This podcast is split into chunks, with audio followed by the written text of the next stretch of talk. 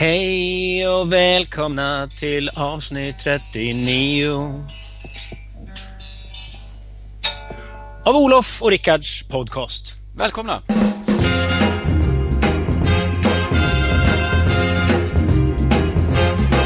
You know I don't mind working and standing on my feet. Cause I've got nine children and they sure got to eat. Don't mind working my fingers to the bone. But now listen, you got to let me go when my work is done. I wanna be free. Det var en härlig låt du bjöd på. Ja, det är en liten eh, man, som man sitter med sin lilla Dobro. Ja, jag har en liten fredag eftermiddag eh, för mig själv uppe på min kammare. Men du, jag, har, jag fick ju feedback, eh, eller vi fick feedback på vår Facebook-sida där någon frågade om, om nyårslöftet. Är vi helt dum i huvudet eller inte? om nyårslöftet förra året. Och Då pratade du i ett annat avsnitt om att du skulle få ordning på ditt liv och dina papper genom det här kontoret. Och eh, ja, Finns det någon följetong på det där? Ja, just det fanken. Ja, eh, eh, det sprack ju som ett byxarsel det också. Eh, precis som vi, eh, eh de, mina flesta andra eh, nyårslöften. Eh, jag, har, jag har en liten lägenhet eh, på Bondegatan i Stockholm där som jag har tänkt att jag ska... Eller jag har, jag har ju använt den som kontor. Jag har, jag har varit där rätt, rätt mycket, men kanske inte så mycket som som jag har, hade hoppats på. Men, men det, det har varit en liten eh, fristad men min logistik gör att det, det, är svårt att ha ett ställe till att åka till. Jag, jag bor ju redan ute på landet. liksom. Mm. Så det, nej, det, det, har spruckit. Jag, jag, jag, ska säga upp den lägenheten här nu. är det, är det okej okay att skratta? Ja, ja, ja, det är klart. Det är, klart. Det, det, det är väl ett, men det var ändå hellre lyss till den sträng, som, som brast, än att aldrig spänna en båge. Ja, precis. Men, men nu i efterhand, här, när man kan ha så eftertankens kranka blekhet. Du Vem var det som skrev det? Du bodde väl där ute redan, in, redan när du skaffade den här lägenheten, eller stämmer inte det? Shakespeare var det som skrev det. Eh, ja, jag bodde ju där ute, men då, äh, det, det, är en logistikfest det där. Så här, eh, jag kan ta den då. Eh, mitt barn gick i skola i ungefär i samma område där lägenheten ligger. Mm. Och då, då funkade den skitbra i våras. Men så bytte hon skola och till en helt annan stad, till Östermalm. Och nu låter det lite Porsche, men det är inte alls speciellt så. Men, men vilket gör att då ligger den här lägenheten på helt fel ställe. Och min tanke var att sy ihop flocken lite grann med den här lägenheten så att hon kunde komma direkt efter skolan kanske om jag inte var hemma eller var då kunde hon ändå vara där och så kom jag och så kunde vi träffas och så kunde vi jobba lite grann ihop och, och så, så kunde vi åka hem. Men nu gick ju inte det eftersom hon började på en annan skola i en annan stadsdel så det, det, liksom, det, det blev fel. Mm. Så nu ska du sälja den då? Ja, nej inte sälja, jag säger upp den bara. Ja, säger upp den, just det. Rickard Olsson, jag är så... Det, det, är en sån här dag som jag, jag vill gärna berätta om den för, för dig. För att Det finns ett ämne till dagens avsnitt som handlar om the perfect feeling eller the perfect eh, moment eller eh, om man nu tar det på svenska någon form av...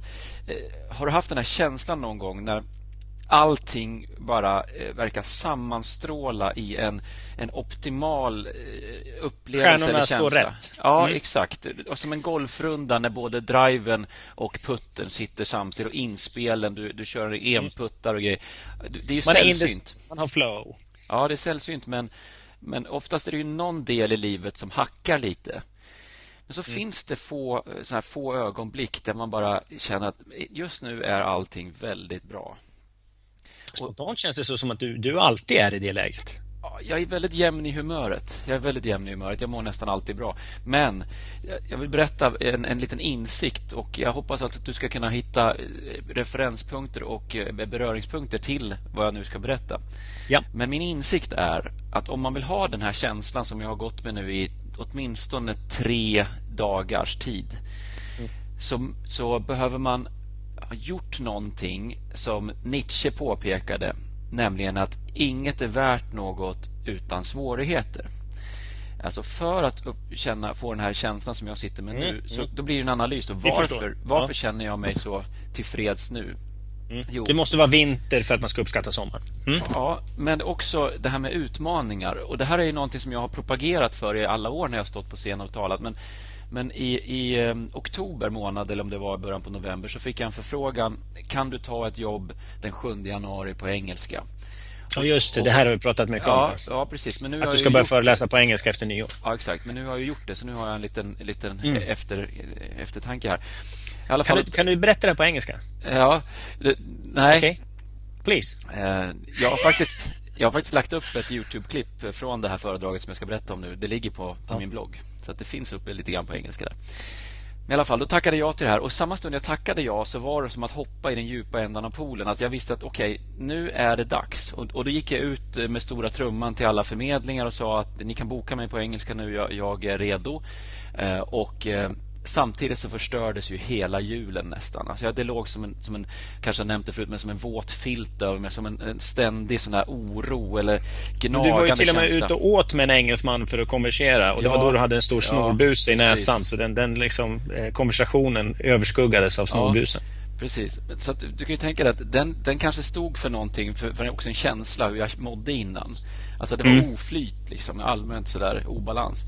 Men så kom tisdagen då och eh, kvällen innan så vände det på något vis. Jag hade liksom så här gått och nästan haft så här flykttankar. Så här, varför gör jag mm. det här? Det inte... Små kräkreflexer och ja, dödsångest. Ja, men så här, det, är inte, det är inte värt det och eh, även om det skulle må bra efteråt så är det fortfarande för mycket ångest inblandat innan och allt det här. Men så kvällen innan så var det som att det, jag fick någon sån här Lidnersk knäpp. Eh, mm. Det vill säga att det, på något vis var som ett kvantsprång. Jag bara helt plötsligt förstod att nej, men du kommer lösa det här, Olof. Och ska du ändå göra det, för nu kan jag inte backa ur, nu är det kvällen innan. Ska jag ändå göra det här så ska jag göra det med eh, liksom en, en, lite glädje också. Lite så här, kom igen nu, nästan gå och längta för efter det. Och den där känslan kom då när jag var på gymmet kvällen innan så bara fick jag det där. Och det var sån det, det, var ganska befriande men det var fortfarande inte sådär total eufori för att jag visste ju fortfarande inte om jag kommer lösa det och så. Sen kvällen innan då så, så eh, förstörs lite av mitt bildspel. Så jag och brorsan sitter med min, min eh, inte bildspel, men med keynote-presentationen. Mm. Och jag är ganska beroende av den när jag, när jag gör på engelska. Så jag, jag lutar mig ganska mycket mot den. Då, då. Ja, i alla fall så fick vi ordning på den till slut. Och sen var det då morgonen i tisdags när jag skulle göra det här. Och eh, jag kör och eh, mitt intro då som är intränat i detalj, det bara skiter sig direkt. Jag bara mm. får inte till det. Men i alla fall så kör jag vidare då och eh, går i mål och efteråt så har vi videofilmat det här och jag sa till Anders då som filmade att ah, jag, är, jag vet inte liksom, jag är rätt, rätt besviken, det blev inget bra det här. Och han bara, jo men för sjutton, det där är i alla tiders liksom. Och så, mm. så gick det då, för varje halvtimme så kände jag hur en sten en sten till liksom i en liten skål med stenar släppte. Och jag blev lättare och lättare i sinnet och sen har det här bara ökat och ökat och ökat. Och så såg jag videoklippet då i, idag eh, och insåg att det här är inte alls dumt. Alltså det här är, mm. det här är görbart. Och för att avsluta min story här nu då. Det jag kände var den här euforin att nu finns det banne med inga begränsningar, Olof. För jag menar, om det här är din utgångspunkt och du vet att du får göra det här hundra gånger till och få jobba på det, så, så det här kan jag göra.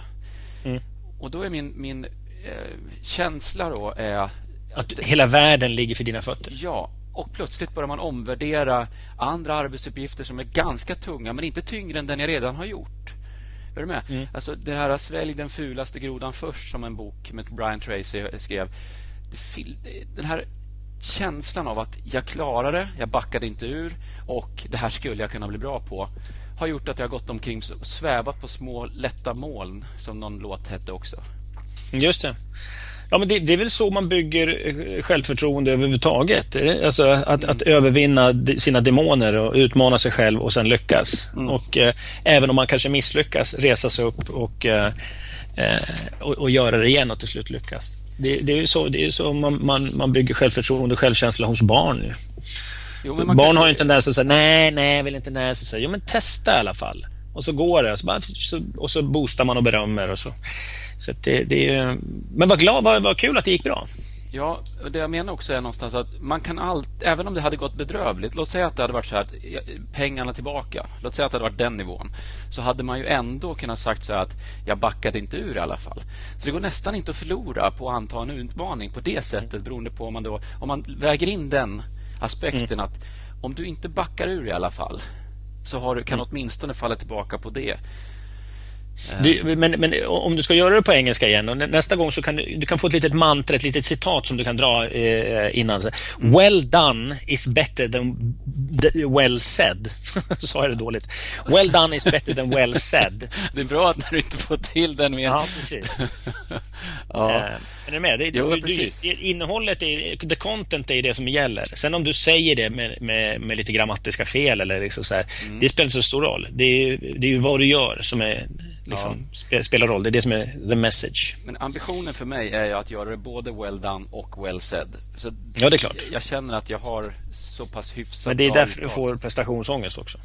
Ja, men kanske också det den här euforin bygger på. Så jag är väldigt glad just nu och man känner att man är i kontroll, man har saker på gång, man är på väg någonstans, det är nytt år. Och min fråga till dig är om du har upplevt någon sån här lidnersk knäpp någon gång? Ja, eh, jag har ju ingen föreläsning som du har utan varje nytt jobb jag gör är ju en sån liknande utmaning. Eftersom det, det, eh, jag uppfinner hjulet hela tiden, mer eller mindre. Sen har jag en liten verktygslåda med lite grejer som jag kan ta till. Men eh, jag har ju liksom inte en föreläsning där jag vet vad jag ska säga och har ett budskap. Utan jag kommer dit och bara undrar vad det här är för någonting. Ja, det här vill de ha ut och så. Mm. Så att, eh, jag får dem där eh, lite, lite nu och då. Eftersom jag kan aldrig veta på förhand hur det här ska gå oavsett. För jag, eh, om man har en, en teateruppsättning, eller, då vet man att det här har vi kört för 10 000 eh, föreställningar av. Om den 10 000 första, om publiken inte reagerar då, då kan man nästan skylla på publiken. Mm. Men det kan jag aldrig göra. Liksom. Det finns ett uttryck för det som kallas för caption. Det vill säga när man när någonstans fångar upp det som sker. Och Det är ju en skicklighet i sig. Många komiker har ju den här ådran. Det känns väl som en av dina styrkor också då, antar jag? Ja, kanske. Det, eh, men, men, men det är ju, ibland önskar man att man hade liksom en, en föreläsning, åkte dit, drog en timme och, eh, och, och gjorde sin grej. Mm. Men min grej måste alltid anpassa sig efter varje situation. Situationsanpassat. Liksom. Men, men, men om, det gör ju att, det gör att, eh, att man får de där kickarna eh, lite nu och då eftersom varje jobb är eh, unikt i den bemärkelsen. Jag förstår, men, så... men, en stor utmaning då som du har framför dig. Jag förstår att du får de här små kickarna då och då och du uppdrag här och där. Men sen har vi till exempel en sån grej som Idrottsgalan. Mm. Är inte det, mm. Till inte det en av de större utmaningarna ändå? Jo, det är klart att det är. Eh, det är ju en Eh, jag kan säga att bara middagen är dubbelt så stor som eh, eh, Nobelfesten. Mm. Det är 2500 tallrikar, det, det, är hälften på Nobelfesten.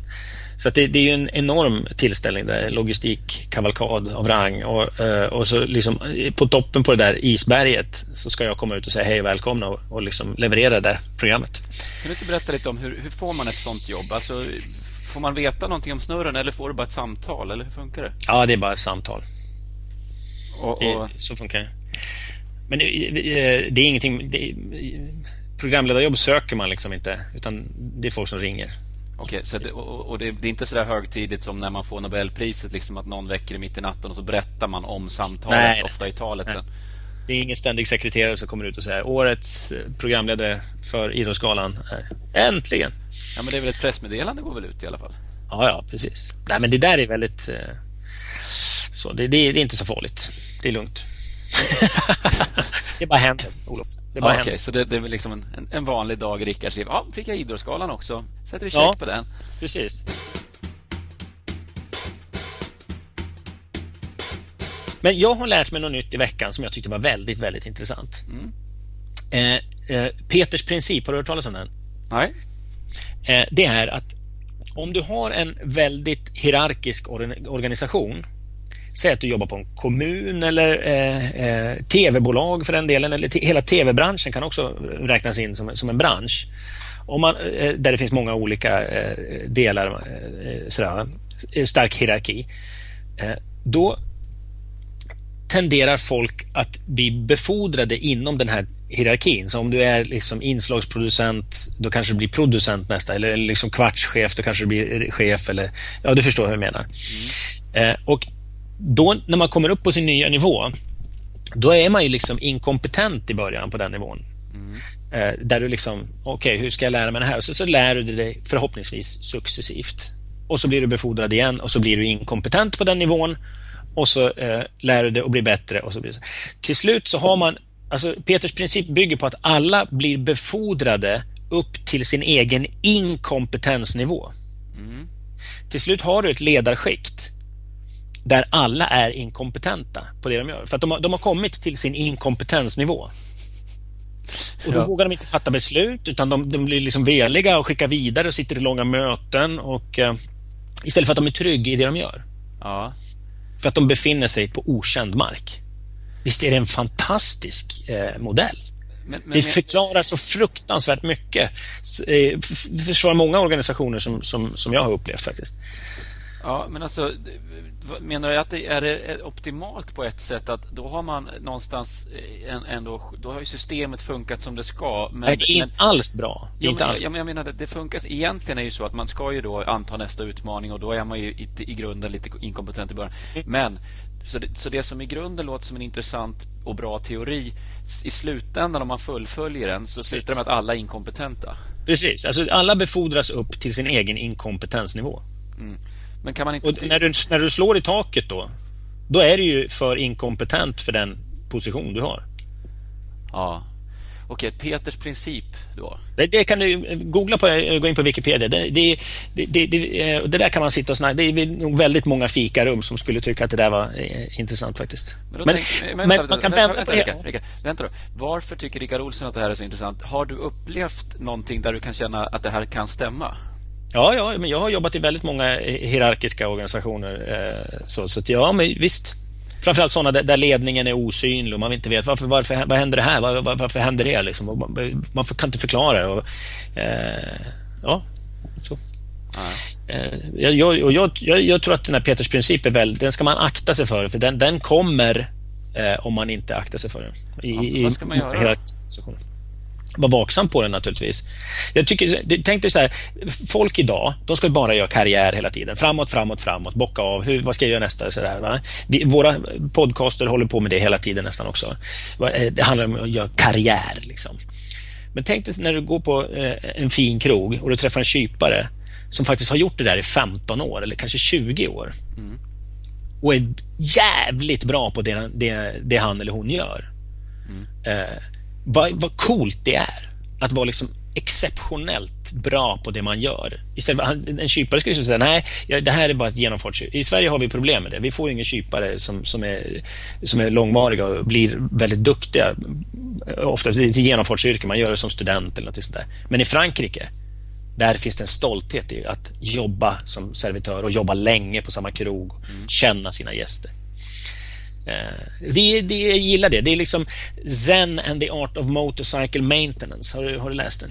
Det, det, är lite samma sak. Att, att odla och ta vara på det man har och bli jädrigt bra på det man gör. Det, om, Inte titta på andra sidan kröken hela tiden. Om vi får utmana bara tanken lite grann. Så eh, en del i mig säger så här också att jag håller med dig för att eh, Samtidigt kan jag tycka att en duktig kypare har ju ändå utvecklats inom sitt yrke. och kom, Hur har den här personen blivit en fantastisk kypare? Jo, antagligen genom att de har hanterat ett stort antal sällskap, ett stort antal mm. personlighetstyper, eh, gått på ett stort antal vinprovningar och är nyfiken och vill lära sig ny, mer om viner mm. och, och, service och så vidare. Det är så personen har blivit en duktig kypare. Så att i det finns ju en utvecklingsprincip i sig. Va? Eh, men de har ändå behållit det inom sitt gebit problemet som kan bli ibland ja, sen, är, är, ju så att man säger att okej, okay, nu, nu kan jag kyperyrket och då, nu ska jag bli krögare helt plötsligt. Eh, och sen när man har varit det, nu ska jag bli, börja med fastigheter. Det, det, det, är så du menar va? Att det finns en, en man, man blir inte vid sin läst längre utan man ska hela tiden vidare. Högre, fortare, mera. Så, och sen så, sen så kan det också vara att eh, eh, i, i, takt med att du blir äldre och i takt med att du mognar som människa eller det händer saker på, på, ett mänskligt plan så kan du bli bättre på det du gör också om du är kvar i det du gör. Mm. Eh, det behöver inte betyda att man går på fler vinprovningar eller liksom bara fortbildningskurser. Det kan ju, alltså, man, man förändras ju under sitt liv också helt enkelt. Mm. Men det finns, jag läste, när, när jag läste om Peters princip där, mm. det finns, en, det finns en, en, man kan vända eller leka med tanken också att det var någon, någon som hade skrivit att eh, eh, chefskap ja. det är Guds sätt att plocka bort idioterna från den kreativa processen. Okej. Okay. Ja, ja. Ska, jag ha den på tvåans radavstånd? Stora bokstäver. Säg det en gång till fast högre.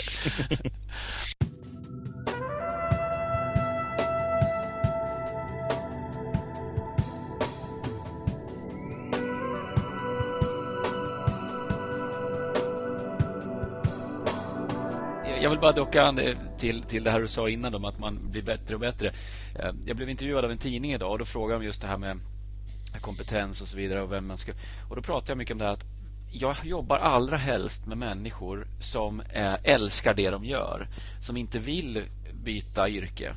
Och exempel på det jag menar på en ljudtekniker till exempel. Eh, vi ska ju ha ett där goda samtalet ska ju bli podcast nu som du säkert mm. vet. Mm. Mm. Och eh, då, har, då är det ljudhasse jag är i kontakt med. Då. För vi ska ju, I och med att vi ska spela in ett samtal från en restaurang så är det ju väldigt komplicerat. Mm. Men då älskar jag att höra hur Hasse liksom Ja, kondensatormikrofoner är placerade så den vänstra och högra ligger i linje med varandra där. Så att mm. den här designen då, att de har samma avstånd till ljudkällan, alltså ljudfördröjningar mellan kanalerna och så vidare. Han pratar eh, med, med, ord som ja. jag... Det gör inget att jag inte förstår, för jag tycker om att höra de här orden. Det, och det är en härskarteknik det där? Nej, jag ser inte som härskarteknik. Absolut inte, Rickard. Det här får du inte ta ner på den nivån. Utan det här handlar ju om någonstans att en person som är så oerhört... Alltså det här är en person, jag kände direkt att Ljudhasse, han går in på hifi-klubben mm. när han är ledig och, mm. och, och, checkar ljud. liksom. Mm. De människorna är roliga att jobba med, för de, de gör Ja, men det är lite nördigt. Bara. Ja, exakt. Nördarna älskar jag. av lust, ja. Jag tänkte också på det här när vi pratar kypare och eh, yrket och hur man utvecklas inom yrket. Någonting som man kan tänka på att uppåt är inte alltid framåt. Nej. Nej, precis. Du, du, menar alltså att bara för att man eh, gör någonting, kommer upp sig ett kliv så att säga i, i, eh, utåt sett så betyder det inte att man har blivit bättre eller gått vidare framåt? Nej, okay. Men karriär behöver inte betyda utveckling. Nej. Så kan man säga. Nej. Men du, får jag fråga dig då? Sådär, mm. när, när mådde du så där perfekt senast som jag pratade om i början? Kan du komma ihåg senast du hade en sån så perfect storm? Uh, ja, jag var på en... Uh, uh, gjorde en guldgala, hette det, i Östersund. Här, med, för en fullsatt Storsjö teater där med företagare och sådär. Och var konferenser och moderator. Och när man känner att man kommer in och... Ja, men då, då fick jag en sån det var också så här, shit, hur ska det här gå? Och man står alltid och stampar i kulisserna. Men när första grejerna går hem och det blir skönt garv och man känner, ja men då, det, jag är väldigt beroende av inledningen för helhetskänslan faktiskt. Mm. Ofta. Ja, men det tror jag ofta man är. Den sätter liksom hela grejen. Ja. Första ackordet. Man, man, vill liksom första skämtet, alla garvar, tangenterna smattrar, orden flödar. Man, man vill få någon bra skjuts direkt där. Mm. Och Det tror jag publiken vill också. De vill också skratta i början och känna sig trygga. Så jag tror en ömsesidig nervositet nästan. I början just. Mm. Ja, men då mådde du bra. Var det efteråt eller innan eller under tiden? Eller när mådde du sådär perfekt? Nej, men när man känner att man är eh, i, i, rummet och inte kämpar utan man nästan är i fågelperspektiv. Det, det är en nästan out of body experience. När orden kommer det, det, eh, och man behöver inte söka dem utan man litar på att orden ska komma. Eh, ja. Ibland så kan det vara så att man måste leta efter exakt rätt ord och hitta rätt uttryck. Och, eh, man hittar tre synonymer och vill välja rätt valör på ordet och då då börjar man stamma och staka sig och, och, och, det blir inget bra och så väljer man fel och så blir det... Det blir ungefär som när, när eh, eh vad heter han nu? Per Lernström, programledaren i Idol. Mm. Mm. När han, han gjorde den klassiska felsägningen här nu den här säsongen. När han eh, skulle säga finna men ändra sig till hitta och så blev det fitta i sändning. Ja. Eh, och eh, så kan det bli ibland. Var det direktsändning då? Jajamän! Ja. Men du har väl gjort några sådana där också, du, eh, antar jag, eller? Ja, fast då har jag ju sagt det medvetet. nej, det har jag inte gjort så. Men nej, inte... Nej, men inte sådana där... Eh, men det, ibland har man ju backfly. Det, det, det, där, det där är som att åka slalom. Ibland så bara glider man mellan pucklarna och har, har, har flow och ibland så kommer pucklarna och studsar rätt i ansiktet. Det är samma sak när du pratar engelska. Du vet ju själv. Ibland har du femmans fotboll med med handbollsklister i munnen och det, det liksom ingenting funkar. Nej. Och ibland så bara känner jag att shit, vi, ofta när man har tagit två öl och sitter på en pub så tycker jag att man kan säga, när man pratar med engelsmän, så får man säga, exakt. så får man få en känsla av att. satan vad bra jag är på engelska. Helvete vad bra jag är. Och glosor som, som har legat i svanken i hundra år, som man inte visste att man hade, kommer upp genom ryggraden och ut på tungans blad och man bara känner, vad hittade jag det där ordet? Det var ju ett perfekt ord. Man kan gå in i, på toaletten och bara känna, shit vad bra jag är. Skuggboxas lite grann framför. Du är så bra att ha en här monolog. Så går man ut igen och bara, how, where were we? Det är fantastiskt. Ja, jag kan relatera så oerhört mycket. Alltså det finns något väldigt... Ett glas vin eller en öl har någon väldigt här avkopplande effekt på, på det här... eh, Det här Överjaget släpper. Ja, ja, det är möjligt att det gör, dels är det, men så tror jag också att det, det frigör någon form av resurser som plötsligt så får man det här flytet och man kanske inte har samma anspänning i kroppen eller vad det nu är. Men det är otroligt. Det, jag, jag Men det är förstår. överjaget släpper. Alltså det här, allt det här som trycker ner dig, som gör att dagen efter till exempel, när överjaget är tillbaks med, med dubbel effekt, då kan du inte köpa, ha- handla liksom, eh, en, en Coca-Cola i Pressbyrån. Liksom, för då, är- då kommer det ut som I please window. Ja, ja, men exakt. Det var ju ungefär som senast Anna och jag var i New York nu. Då hade jag ändå varit, vi var där hyfsat länge ändå. Och jag tyckte att på slutet att det släppte lite så att det började bli lite bättre. Och så kom vi till loungen i, i New York på flygplatsen där och så ska jag säga Anna, jag kan ta ett glas, ett glas vitt. Och så går jag fram till bartendern och så säger jag så här, Can I have a white glass of wine please? Bara, you mean, you mean glass of white wine sir? Eh, yes. ja, nej, då är man inte världens kaxigaste. Inte. Nej, men det, fin- det, Det, Lennart Bergelin, kommer du ihåg? Han, han var ju så jädra dålig på engelska. ja. Han drog ju eh, den här som eh. Timbuktu kör The Bottom is Nod. Ja. Det är ju ett Lennart Bergelin-citat från början. Så det, har jag, det, det är ju liksom... Det är snott helt enkelt. Och så Ja. den här Do you, do you have what we in Sweden call skiftnyckel? Skiftnyckel, ja. Det är klassiskt. Men det roligaste han har sagt tycker jag, det var, det var någon Davis Cup så hade de frågat eh, Björn Borg om Ja. vad de drack i pauserna. Sådär. Och då berättade Björn Borg vad, vad de drack och sådär. Och då flikade Lennart Bergelin in lite sådär. Well, in my days we drank cider and the more we drank desto törstigare we got. Jättebra. Ja, men alltså, Yes Lennart, Ja. we understand you. Vi har, vet, när jag spelade pingis Press så hade vi, vi hade ju en del eh, utländska pingisspelare i laget så, där när vi, så det blev ju en del engelska och alla pingisspelare är ju inte det sitter inte klockrent men man måste ju ändå så att säga så, spela och eh, då hade jag bland annat en kille då, eh, som alltid, han hade inga problem med att prata engelska men det var Lennart Bergedin varenda gång. Så vid ett tillfälle då så frågade den här eh, tyske spelaren då What are you gonna wear tonight at the party? Och då säger min kompis så här, I'm gonna wear a kavaj and... Och, och, och fortsätter bara liksom. Har ingen tanke på att det, möjligtvis så kan man inte bara ta ett ord och göra det till ett engelskt ord. Nej. Men, det, det, men, men eh, pingisspelare räknas inte för ni limmar ju era egna racketar och gummit där. Så ni, har, ni var ju höga hela tiden helt enkelt. Jag hade en annan... Ja, Det, det, var ju, eh, pingis på den tiden, det var ju en ursäkt för att få sniffa.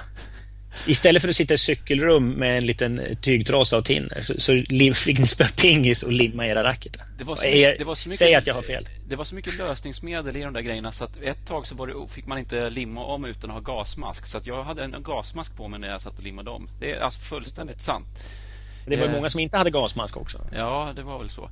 Som blev Men höga. vänta nu, nu ska jag berätta vidare om det här med engelska problemen. Jag eh, hade en annan kompis som han hade fruktansvärd ångest inför att stå och prata engelska och så vid ett tillfälle skulle han redovisa någonting att trädet står i trädgården.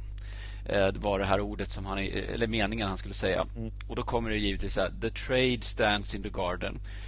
Och, eh, och sen skulle han säga, vart står trädet? Where it is.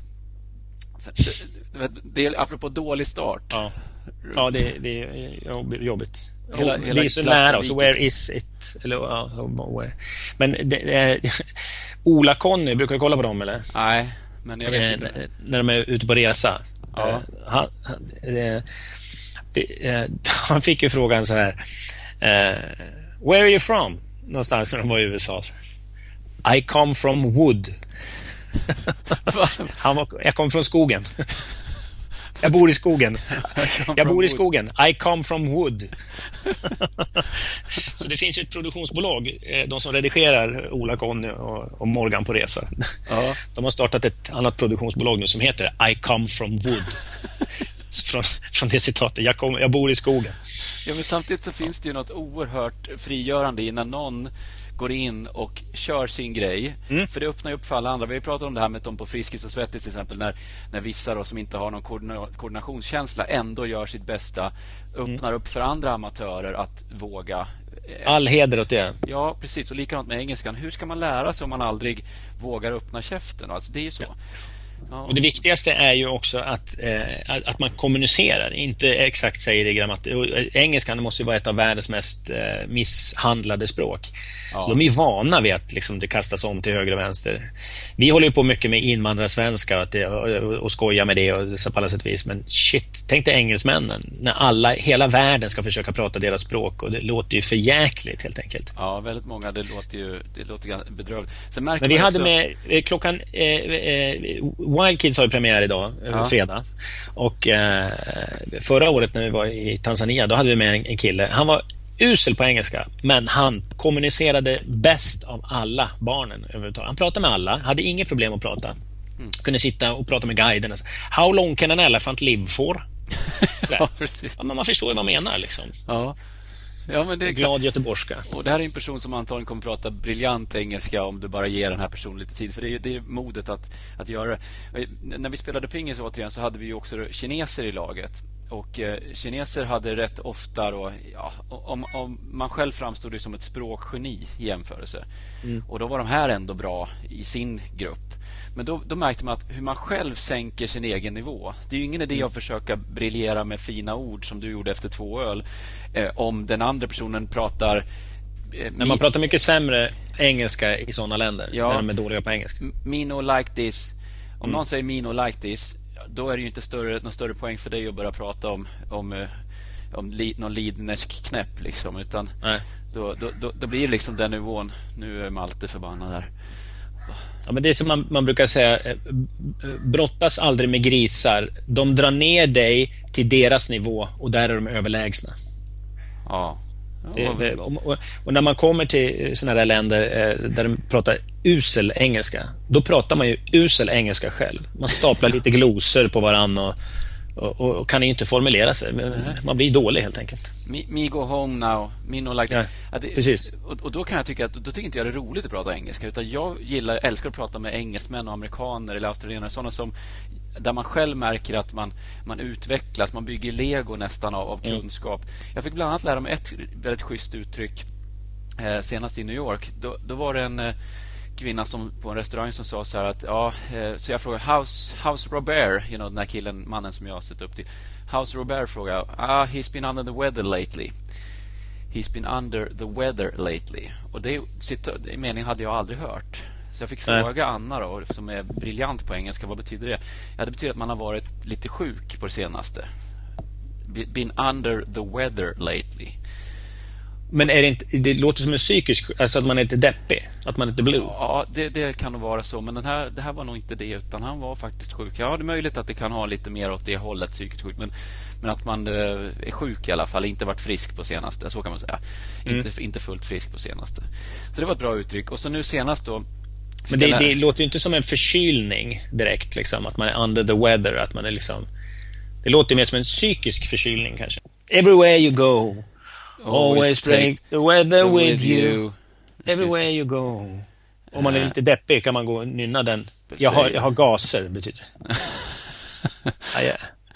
I'm feeling a little, little under the weather. I think I may have caught a cold. Så att Jaha, kan titta. du, det kan visst vara fysiskt Man är lite risig helt enkelt. Då. Och så fick jag lära mig ett citat till nyligen här och det var att man He keeps his card close to the chest. Kan du förstå vad det betyder?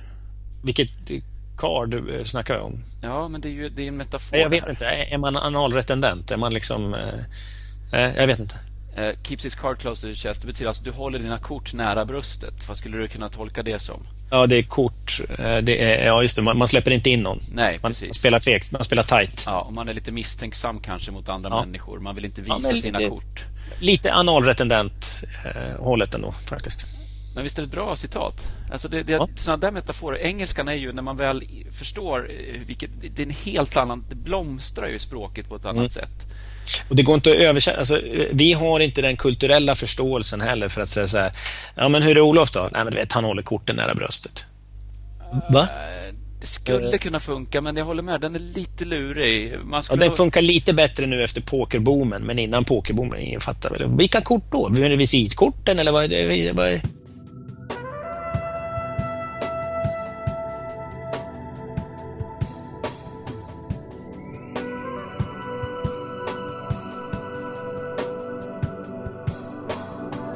sen är ju, tycker jag, ganska det här med, tillbaka med det här med engelska. Jag blir ju så full i skratt när jag hör folk pratar sven, andra språk med sin svenska dialekt. Alltså lite Glenn Strömberg-typerna, du vet. Som, Göteborgska är ju faktiskt, det slår ju alltid igenom. How Ja. long can an elephant live for? Och så just också när man översätter ord för ord exakt som det skulle vara på svenskan. How long can an elephant live for? Det är ju exakt så. Hur länge kan en a- elefant leva? Det är, det är ungefär översatt direkt. Men i engelskan så är det ofta andra ordningsföljder. Och eh, Jag älskar ju när man, när man hör... Vi hade ju en kompis med, han var väldigt bra på att härma Stellan Bengtsson. Och, och Stellan Bengtsson Vilken, ju, vilken fantastisk... Tänk att slå mynt av det. Alltså. Jo, var det ingen som gjorde det? Jo, men Stellan hade ju lite... och ut, ut i folkparkerna för fan och turnera. Ja, du vill inte höra im- imitationen? Här, Alltså. man, här, man, var, han, var han från Falkenberg? Var Ja, han? äh, hallänning ju. Hallänning. Ja, hallänning. Och Jörgen Persson är ju likadan. Han har ju så här, han pratar ju Halmstad och um, he talks like this even in English. Och, och Stellan är ju likadan. Så där hade han ju då en, en pingisspelare i laget då som hette eh, Fetzner. Och eh, min kompis Andreas då, han är så bra på Herman och då berättade han Fetzner kallades det för Speedy. Speedy. Ja, du vet, väldigt nasalt halländsk. Och så på engelska. Speedy. You need to play the backhand from the corner to the corner. Mhm. Då är det lite Inte halvsvårt raka att- backen. Alltså. Ja, men då är det lite svårt att hålla sig. Alltså när man, Ja. Den är exakt samma betoning som om det skulle varit på halländska. Hade inte Stellan Bengtsson en enorm skivsamling, eller har? Jo, jo. Grym. Han, En av, en av Sveriges största skivsamlingar. ja, ja, alltså, så han här, tog ju med oss till Bengan, så han lärde mig lyssna på Wilmer X. Han, han är ju kompis med det gänget där, så lyssnar mycket på Ja. Wilmer. Klär sig i svart och han, han är otroligt musikintresserad. jag menar alltså att han hade en skivsamling som var... Ja, eh, ja visst. Den är grym. herrejösses. Jag har sett den. Den är inte Mm. att latcha med alltså. Men du min kära vän, jag eh, tycker att det, det är alltid lika trevligt att få träffa dig. Vi har pratat om Lidnerska knäppen, vi har pratat om engelska, vi har pratat om den perfekta känslan. Jag hoppas att flera lyssnare kan säga, sitta och nicka och säga så här, samma här. Vi har det? pratat om Peters princip. Just det, Peters princip. Och, Den är eh, fantastisk. utmaningar, va, vilken enorm kick man kan få av att faktiskt anta utmaningar. Så gå ut kära lyssnare och gör någonting. Alltså spänn en båge och eh, om den brister så kan åtminstone säga att eh, du, du vek inte ner dig i alla fall. Precis. Och ni kan alltid slå en båge också om ni inte känner för att spänna en båge. Och känna att ni vek inte ner er i alla fall. Det, kan man också det kan vara en stor utmaning för vissa att slå en båge. Den, den blir inte lika hög efter några år tydligen. Utan jag hade en sån här riktig Mm. Som båge. vi säger så här, Olof. Ja. Var inte blyg, var reserverad, som hovmästaren sa. Ja, Hade du direkt- med sig eller ska vi säga hej då? Nej, jag kan bara säga att när jag var liten så då kissade jag ofta i såna här sjuka bågar uppåt. Alltså jag, hade, jag gillade att när, när liksom den, den var liksom vid pannan och vände eh, i, i höjd när jag kissade. Och Hur nära pannan var du? Ja. Var det så att det kom in lite i näsborrarna kanske rent av? Men du kan se det framför. Sen är det Ja. då år för år så blir bågen lägre. Så att slå Vilken en tur båge... att du inte hade underbett då, för att... Ja, med den bilden eh, lämnar vi dagens podcast, avsnitt 39. Det är alltid en fröjd. Tack för att ni lyssnar på oss. Och Rickards avslutande ord är... Jag ska lyssna på ljudkonstnären, vår svenska DJ, renässansmänniskan Leonardo D. Avicii. Ha det bra!